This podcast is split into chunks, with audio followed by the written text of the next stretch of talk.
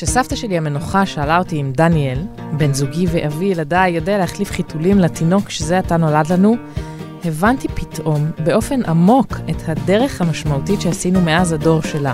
שכולנו עשינו. גם האבות, גם האימהות וגם הילדים.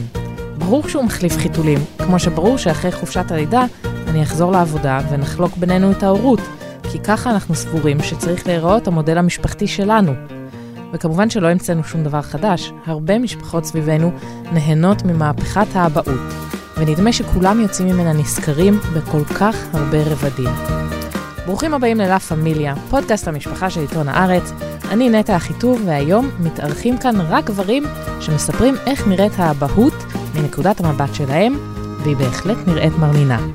בואו נתחיל.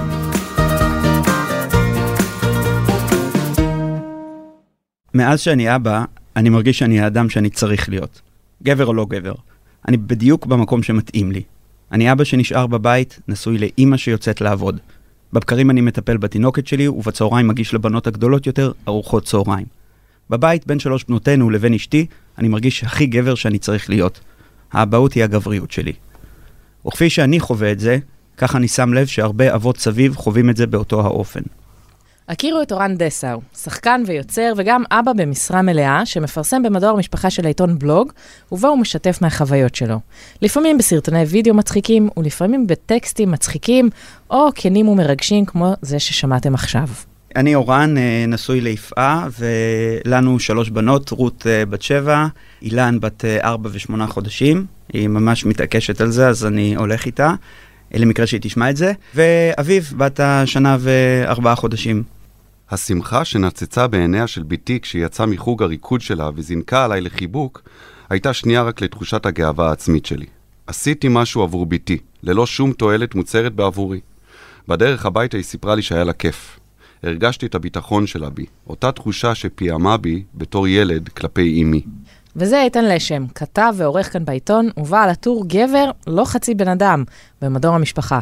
גם הוא אב גאה, אמנם לא במשרה מלאה, אבל בהחלט במשרה מרובה. אני נשוי לתמה ויש לי בת, דורי, בת כארבע. שניהם נמצאים איתי כאן באולפן, שלום. היי. שלום רב. זימנתי אתכם לפה כי אני חושבת שאם יש מהפכה דרמטית שהתרחשה בתחום המשפחה, זה האבהות. כלומר, האבות והתפקיד שלהם, אבות מעורבים היום רגשית, ובטח שלוגיסטית, הרבה יותר מבעבר. לא עוד כאלה שעוזרים מדי פעם לאימא, ואפילו לא כאלה שמגיעים רק לאמבטיה בערב, אלא ממש אבות מעורבים בכל הרבדים של החיים. ואני חושבת שזה בהחלט אה, מהפכה גם לגברים, גם לנו הנשים וגם לילדים. כמה שונה האבהות שלכם מזו שאתם חוויתם מהאבות שלכם? או-הו-הו, כמה היא שונה. בהחלט שונה. בוא נגיד שאני, הפרסומת שהייתה לנו זה אבא תלך כבר למילואים, שאבא כבר ילך למילואים, נכון. וממש אנחנו הרגשנו את זה, אולי לא פיצצו אותנו במכות עם חגורות, אבל לא רצינו שאבא יהיה נוכח, הוא לא היה נוכח, הוא היה איזה מכשיר איום עלינו, והיום הבת שלי קוראת לי אבוש, ובאה להתחבק איתי, וכשאני מסתכל על זה ומודד את הפער הזה, אז מבחינתי, א', זה ההבדל, וב', זה השינוי שכיוונתי אליו, שרציתי, ושהוא כל הזמן צריך לתחזק אותו גם, מבחינת הרוך וההבנה והסבלנות. כדי לחזק את דבריו של איתן, אני אומר שגם אצלנו בבית, אה, בשבילי אבא היה אבא, מישהו שהולך לעבודה וחוזר, ולפעמים אה, מביא מתנות ומבלה איתנו בחופשות אה, משפחתיות, אבל לא יותר מזה, גם לא הכרתי אותו כבן אדם. אבא שלי גם נפטר כשהייתי בן 13, שבוע לפני הבר מצווה, אז אני לא חוויתי אבהות אה, בתור נער והלאה. אז אני לא ממש יודע איך זה, אבל כן בתור ילד אני יכול לספר שהייתה לי כלפיו יראה. אני מרגיש שאני יותר משחרר, אני יותר מתיר, אני מבלה יותר זמן עם הבנות שלי, וזה פער אה, מאוד מה, גדול. אתה יצאת לחופשת לידה בכל פעם שנולדה בת, לגמרי, כן. אז אה, אשתך חוזרת אחרי השישה שבועות המחויבים, לעבודה. ואתה נשאר... אה, כן, זה לא היה בדיוק ככה. בהתחלה אנחנו כן, רות היא הבכורה, אז שמנו אותה בתינוקייה בגיל שלושה וחצי חודשים, ומשהו שם לא נראה לי נכון. היה נראה לי מוזר שאנחנו פשוט מניחים אותה עם עוד כמה תינוקות ומטפלות, ואז כשבאתי לקחת אותה, היא הייתה נראית לי כזאת עייפה. לא הרגשתי שזה הדבר הנכון לעשות, לשים אה, תינוקת בת שלושה חודשים, להפריד אותה ככה מההורים שלה. ואז אה, נהיו איתה כל מיני עניינים אה, רפואיים, ואני לא אכנס לזה, היא הייתה צריכה להיות במעקב רפואי, והעניין היה לא להכניס אותה לגן כדי שלא תקבל אה, כל מיני צינונים, נזלות, מחלות שילדים אה, קטנים אה, מקבלים. פשוט אמרנו, טוב, אז נשאיר אותה בבית. זה לא היו שיחות שהובילו לזה, וזה לא האג'נדה שהייתה לנו בראש, פשוט זה קרה ככה. אני עזבתי את העבודה שלי בבוקר במוזיאון הילדים בחולון. אמרתי, במילא הכסף שנשים אה, לגן, זה כסף שילך מהעבודה. פשוט נשארתי איתה בבית. בהתחלה זה היה קשה, מדכא. אבל uh, לאט לאט נפתחתי לעולם הזה של האימהות, מטפלות, אבהות, ופשוט ואז זה הפך לאג'נדה. לגמרי, כן. אמרתי שזהו, זה מה שאני עושה. אני רוצה שהבנות שלי יגדלו איתי בבית. ויפה היא אשת uh, קריירה. אני פחות. אבל למה מדכא? כי uh, לקחנו את ההחלטה הזאת ולא ידעתי מה היא אומרת, אבל ביום הראשון שיפעה סיימה את חופשת הלידה, יצאה לעבודה, טרקה את הדלת, ואני הייתי על המיטה בתחתונים עם תינוקת בת uh, שלושה, ארבעה, חמישה חודשים, אמרתי, מה אני עושה עם הדבר הזה? אני בחיים לא עשיתי את זה. זה מה שאני הולך לעשות עכשיו כל החיים, או לפחות שנתיים, שזה אז נראה כל החיים. זה מה שאני הולך לעשות, לטפל בתינוק, איך אני עושה את זה? אבל אז התעשתתי על עצמי, התלבשנו, יצאנו למשחקייה הקרובה לביתנו, וגיליתי שם עולם של אה, מטפלות ואימהות ושירי קקי, פיפי, ומאוד נהניתי, גם נהניתי מהתגובות שקיבלתי. אני מאוד אוהב תשומת לב, אז... אה, כן, כולן, אה, וואו, איזה אבא חמוד. כן, בהתחלה ביום הראשון אמרו, טוב, מה, חופשה, בטח הוא בחופשה מעבודה, בטח יום פנוי, בטח הוא מבואס מזה שהוא צריך לבלות עם הילדה שלו, ואז ראו אותי בא עוד יום ועוד יום ועוד יום, זה היה במשחקייה בנווה צדק. ואז אני והמטפלות שם היינו פשוט אה, חבורה, לימדו אותי איך להאכיל. אורן מדבר כאן על הקשיים הלוגיסטיים, אבל הורות היא כמובן גם הרבה מאוד אתגרים רגשיים. באחד הטקסטים שלו במדור המשפחה כתב איתן לשם על האופן שבו בתו דורי הפכה אותו לאדם פחות נרגז ויותר אסוף מבחינת התפרצויות זעם. בואו נשמע קטע מתוכו. כל חיי הייתי כזה, כבר השלמתי עם היותי עצבני, אבל אז נולדה לי בת. היא, הבטחתי לעצמי, לא תגדל באווירת אלימות שבה כל סצנה ביתית עלולה להפוך לסיוט. היא לא תפחד כשאני עובר מאחוריה, לא תפחד ממני, לא תפחד כלל. אז גם דיברתי על זה קצת באבהות אה, שאנחנו התרגלנו אליה, שהאבא הוא המרביץ, והאבא הוא המעניש, והאבא הוא הלא קיים, והוא עובד וזה. זה כמובן עבר אליי מאבא שלי, שהוא היה עצבני ואני עצבני, וכך אביו לפניו היה עצבני ופיצץ את ילדיו במכות, ואז בצעקות, ואז באיומים, ואני אמרתי, זה, השרשרת הזאת נקטעת אצלי. זאת אומרת, אין, אין מצב שאני מעביר את הפחד הזה הלאה. ופה אני מודה לאלוהים גם שנולדה לי בת. כי אני לא יודע מה היה קורה אם היה נולד לי בן, כי זה מפעיל טריגרים אחרים. שער חמש בבלומפילד, כן, אתה רוצה שהוא חודשים. יהיה, שהוא יהיה, שהוא יהיה. ועכשיו גם עם כל התהליך שאני עובר עם הגבריות של uh, אני, אורן גם הוא מקרה קיצון של הגבריות, אבל אני מקרה קיצון לא מהצד השני, אלא בקיצון אחר, בקטע של גבריות אה, מתנגדת ולוחמנית, ועל אפכם וחמתכם אני אהיה גבר לא כמו שאתם רוצים להיות, ואני אהנה מזה לא בקטע דווקא רך וורוד וצמרירי, אלא בקטע של מציב מראה מולכם ואומר, לא אתקן את הפאנצ'ר, לא אצבע את הבית, לא אהרוג את הג'וק, לא אהיה גבר. רק את הג'וק, בבקשה. את הג'וק אהרוג, אוקיי. אם אתם רוצים. אז uh, באמת אני הלכתי לטיפול ועשיתי עבודה על עצמי וקיבלתי מהמטפלת uh, והתחלתי לשאול את עצמי. עכשיו, זו עבודה יומיומית, כל דבר מעצבן אותך וכל דבר הוא, הרצון הוא שלי כאדם עצבני הוא להתפוצץ, וזה כל הזמן לא אתפוצץ בזיוף, פשוט בזיוף, היא עושה דבר שמרתיח אותי ואני מחייך אליה ואומר לה, אולי אפשר ככה ואולי אפשר אחרת, ואולי פעם מאוד צחקתי על מנטרות ומחשבה בוראת אינציול וזה, אה, אני אוהב אותך, תמיד אני אוהב אותך, לא משנה מה יקרה בחיים, אני אוהב אותך ואני פה ואני זה, וזה עובד, וזה הדברים שאני אומר לעצמי, ולה כל הזמן, והם הפכו להיות הבסיס של האבהות. וגם אני, שהיא נולדה, אמרתי לעצמי, אני, הדבר הכי חשוב לי שהיא תדע שאני פה ואוהב אותה תמיד. זאת אומרת שאני, ההורה הזה, שהיא בטוחה לגמרי באהבה שלו, והיא שמה עליו פס ברמה של... אה, שאי אפשר לתאר את זה בכלל. זאת אומרת, אבא לך, לא רוצה לדבר איתך, לא רוצה לחבק אותך, אבל היא יודעת שאני שם. ועבורי זה ניצחון אדיר, גם בגלל האבא שהיה לי, וגם בגלל... אה, זאת אומרת, תמיד ידעתי שהאבהות היא דבר שאני מאוד רוצה, והיא תשנה אותי, והיא אכן שינתה אותי ותרמה לי הכי הרבה להתפתחות האישית שלי ולחוויות שלי, ולזה, זה, צריך להבין שהורות זה דבר ש, שמפתח אצלך הבנה כלפי נפש האדם, וכלפי עצמך, והיחסים שלך עם ההורים שלך, ואלף ואחת דברים שבהם אתה יכול ללמוד ולצמוח. בעצם זה שניקיתי את האלימות, את הזעם, את העצבים הרגעיים, על דברים שהם באמת לא חשובים, כמו היא שפכה והוא עשה וזה. road rage. כן, כן, ועכשיו אנחנו גם בטנטרומים, אז ההתמודדות עם זה היא גם תהליך אדיר עבורי כן. של למידה, זאת אומרת, כי אני הייתי טנטרומיסט, אז זה משליך את עצמו וזה, אז מה עושים? פשוט לעמוד ולהביט בה, ולא לתת לה את היחס וזה, ולאהוב אותה גם שם, זה, עבורי זה שיעור אדיר. זאת אומרת, ההורות משפרת את האישה ומשפרת, ההורות של הגבר, הגבריות, האבהות, משפרת את האישה ואת הילדה ואת ההורים ואת כולם, אבל בעיקר אותי. וואו, זה. טקסט יפה, אה? כן, אני למדתי המון מה... כן, תודה. באמת. אני מעביר אה, הרצאות ובר מצוות. וכותב אה, הרבה בכל אה, מדור אפשרי. נכון. אגב, אני אהבתי שאתה אמרת שהיא אומרת לך, לך מפה. אתה לא נעלב מזה? פשוט... ברור שאני נעלב מזה, ברור. ברור שאני נעלב מזה, וגם זה אתגר בפני עצמו, איך לא להיעלב, וגם, זאת אומרת, אמבטיה זה עם- הרבה עם הפסיכולוגית שלי, עכשיו יש אמבטיה, והיא רוצה רק את אימא. אז אני יכול להיעלב מזה וללכת, או להגיד לה, אבל גם אני רוצה, מה אכפת לך? ולתת מעצמי, להידרס. אני כן. נדרס ונותן לך ממני, וזה, וזה עובד. בענייני מגדר וזה. עדיין האבא צריך להילחם על מקומו כאבא. נכון. זאת אומרת, הוא צריך להראות שהוא יודע הכל, ללמוד לפני זה, זאת אומרת, זו הדוגמה הקיצונית, נגיד, של אבות כמונו, שרצו להיכנס לזה פול פאוור. אני הרגשתי התנגדות מאשתי, ומאימא שלה, ומהחברה. זאת אומרת, הייתי צריך גם לדפוק מרפקים הצידה ולהגיד, אני יודע, ואתם לא יודעות יותר טוב, וגם להוכיח כל הזמן שאני on top of it, יודע זה, ועכשיו אני מרגיש, גם האמהות פעם הרגישו את זה, שהסתכלו עליהם וכל דבר שופטים אותם וכל דבר זה. אז עכשיו אנחנו מסתכלים עלינו וכל דבר שופטים אותנו, אז אנחנו צריכים ללמוד שלחלוקה המגדרית היא עדיין קיימת בתוך הבית ואנחנו צריכים לשבור אותה. השלב הבא באבהות שלנו, שאנחנו נהיה כל כך בטוחים באבהות שלנו ובזה שאנחנו גם צריכים להגיע למצב שאנחנו עוד לא נמצאים בו, של התלוננות ותלונה על המצב. אנחנו לא יכולים להרשות לעצמנו, האבא המושלם, כרגע אנחנו נמצאים באיזשהו מקום שאישה הייתה בו לפני 30-40 שנה, שאנחנו אבות שאמורים להיות מושלמים. אם אנחנו רוצים באמת להיות אבות, כאילו שיסתכלו עלינו בחברה כאבא. מה שאתה אומר על האם שמתקשרת אה, לקבוע יום הולדת, אה, או ה- מי שנמצא בוואטסאפ, קוראים לזה mental load, זה עכשיו אה, אה, מונח מאוד פופולרי בלימודי מגדר, שכלומר, יש אכן יותר שוויון, אבל עדיין ה- כל העניינים הלוגיסטיים האלה, וגם הרגשיים, הרבה פעמים יושבים על אנשים. אבל ממה שאתם מתארים, נשמע שאצלכם זה לא ככה. אני עדיין חושב שזה כן ככה.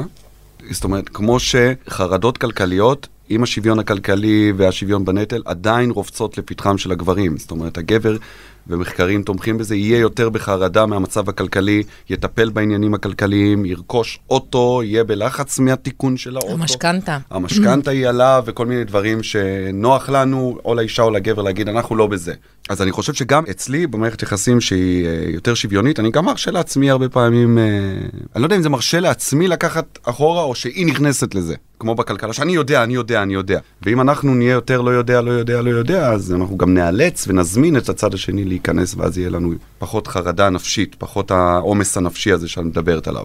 אבל כרגע עדיין העומס הנפשי של חינוך סלש חברים אה, בגיל שלה הוא עדיין עליה. זה כל כך שונה אצלנו, ומעניין אותי באמת עם הדבר הזה שאתה לוקח את החרדה הכלכלית על עצמך, ואני אטפל במשכנתה והכל, זה נובע מזה... אין לי משכנתה אגב, אני נטול נכסים. אז uh, זה מעניין, זה נובע מזה באמת שאתה גבר ואתה חושב שזה מה שאתה צריך לעשות. חד משמעית כן, אני רואה את זה עליה, שהחרדה של ניקיון הבית היא עליה. הבית לא נקי, צריך לנקות הבית. היא תקבל נקודות כלשהן בראש שלה על זה שהבית נקי. פרסמנו על זה כתבה במדור משפחה, אני מפנה את כולם אה, כן. לזה. זה אכן איזו הטעיה פסיכולוגית אה, מגדרית. כמו שאם הילד ייראה מחונך או מסודר, היא תקבל על זה איזה נקודות ב- ב- כלפי. אימא שלה או בעולם שלה או זה. וכמו שאם אתה מרוויח טוב והבית וזה, אז אתה מקבל נקודות. עכשיו, הנקודות האלה זה לא, זה, זה נקודות זיכוי מגדריות בעלות ערך אדיר. כי הערך העצמי שלך כגבר או כאישה יושב עליהם. זה מעוות לחלוטין, צריך לשבור את זה. אבל בסופו של דבר ההתניות שלנו הן מאוד מאוד חזקות, ואנחנו צריכים לבקש עזרה, ובכלכלי אני פשוט מטיל את הנטל עליה. פשוט אה, זורק את אתה- זה עליה, כן, את תדאגי לזה, את תעשי את זה, אני זה לא מעניין אותי. אבל זה כן. מעניין אותך, אבל אתה עושה את עצמך כאילו זה לא מעניין אותך? אז אני לאט לאט מוריד את זה אתה ממני. משחרר. יפעה מטפלת בהכל, אנחנו עכשיו בתהליכים לקנות דירה, אז היא מדברת עם, אה, אה, איך קוראים לזה, יועץ משכנתאות, היא אה, מבררת על דירות, היא מדברת עם בעלי הבית, והיא אומרת להם, טוב, אני רק רוצה שבעלי יראה את הדירה, אז אומרים לה, כן, הוא נותן את המילה האחרונה, זה כן. ברור. אבל זה הפוך, כי פעם אמרו את זה על נשים, הרי אתה צריך יא בלבוסטה, היא כן. תיתן לך... את- מלכה אתה לא- בבית. הרי אתה צריך את ההסכמה שלה בינינו. והיא אומרת להם, לא, אה, אה, אני, אני. אני, אני, מ- מבחינתנו, שהיא תקנה דירה בלי שאני אראה אותה אפילו. זאת אומרת, אני ככה גם סומך עליה. אבל מבחינת, לא, תעשי את מה שאת צריכה, דירה, תראי לי אותה אחרי זה. איתן ואורן הם אבות לבנות, אבל מהפכת האבהות המבורכת הזאת מיטיבה כמובן גם עם הבנים שאנחנו מגדלים. הכירו את מרדכי ברונשטיין, אב לשני בנים ואמן מוכשר בפני עצמו.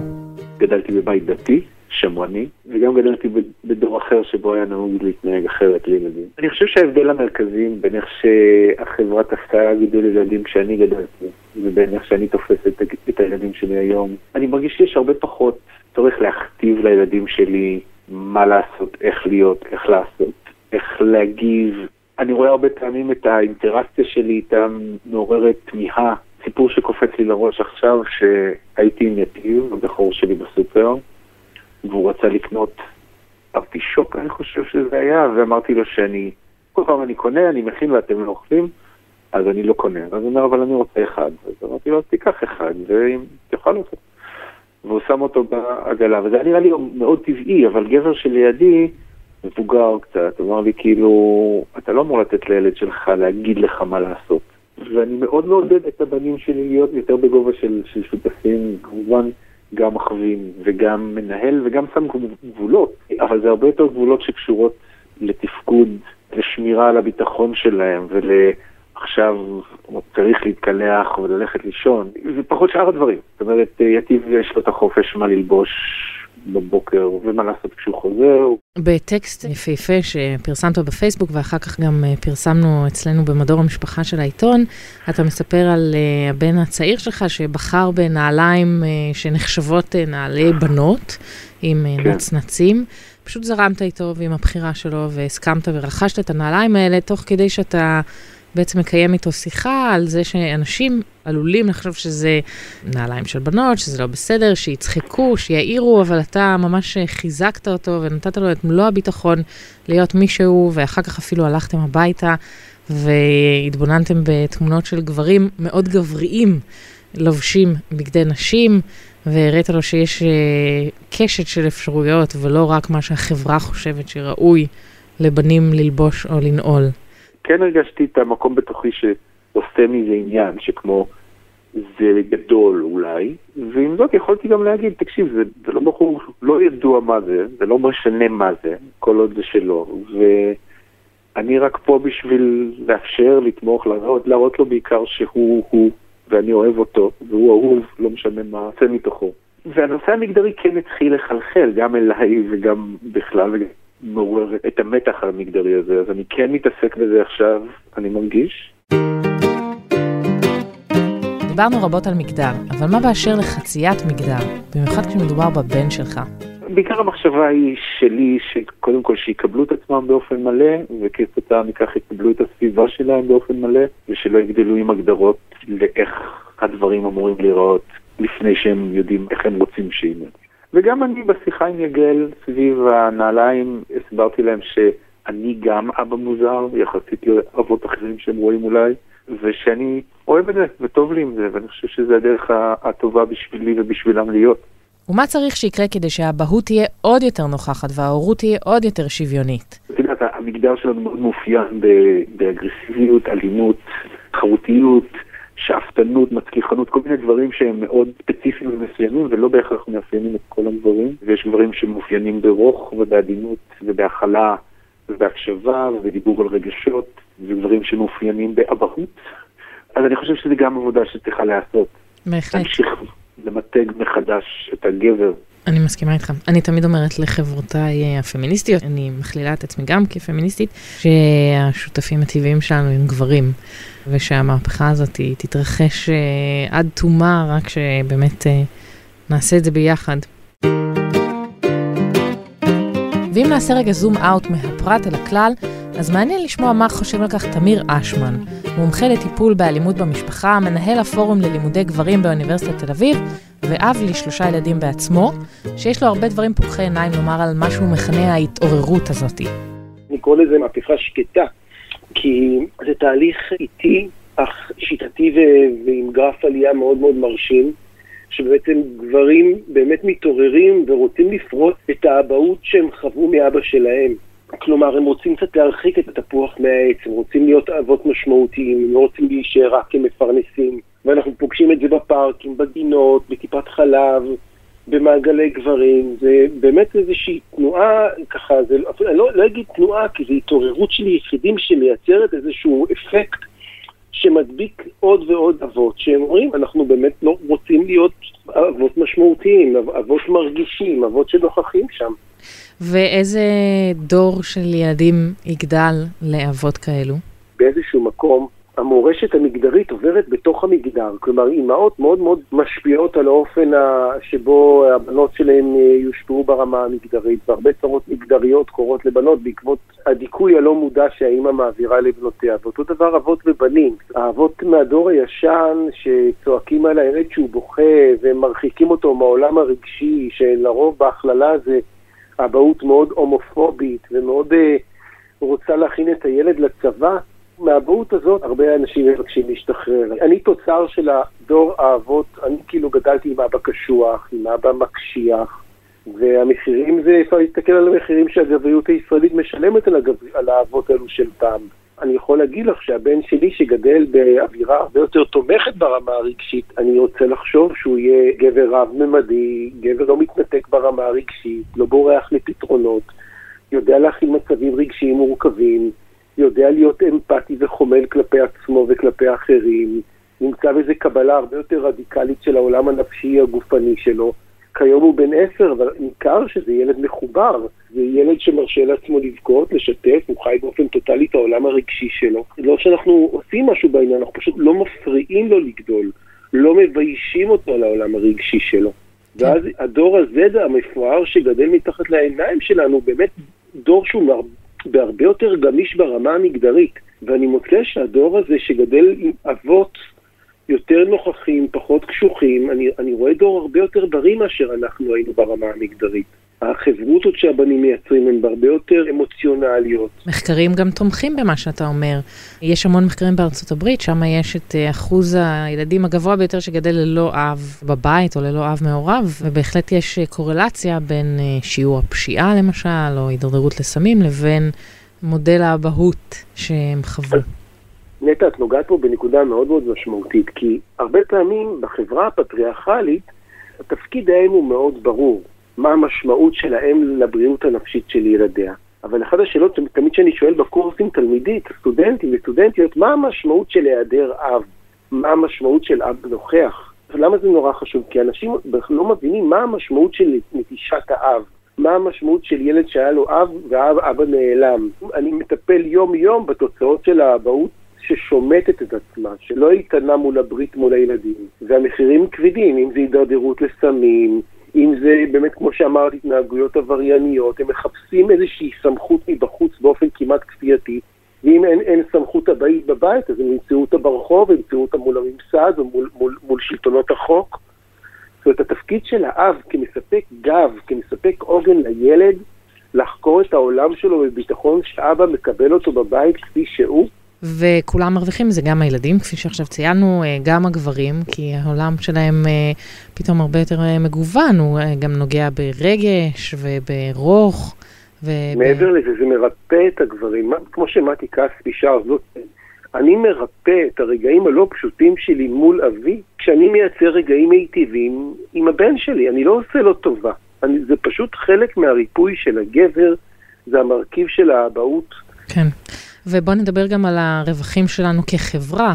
אם המדינה תעודד בשלל דרכים, כמו למשל חופשת לידה לגברים, את האבהות המעורבת הזאת, היא תקבל אזרחים יותר בריאים בנפשם, פחות uh, מדורדרים לפשיעה, ועוד שלל יתרונות גם uh, לשוק העבודה.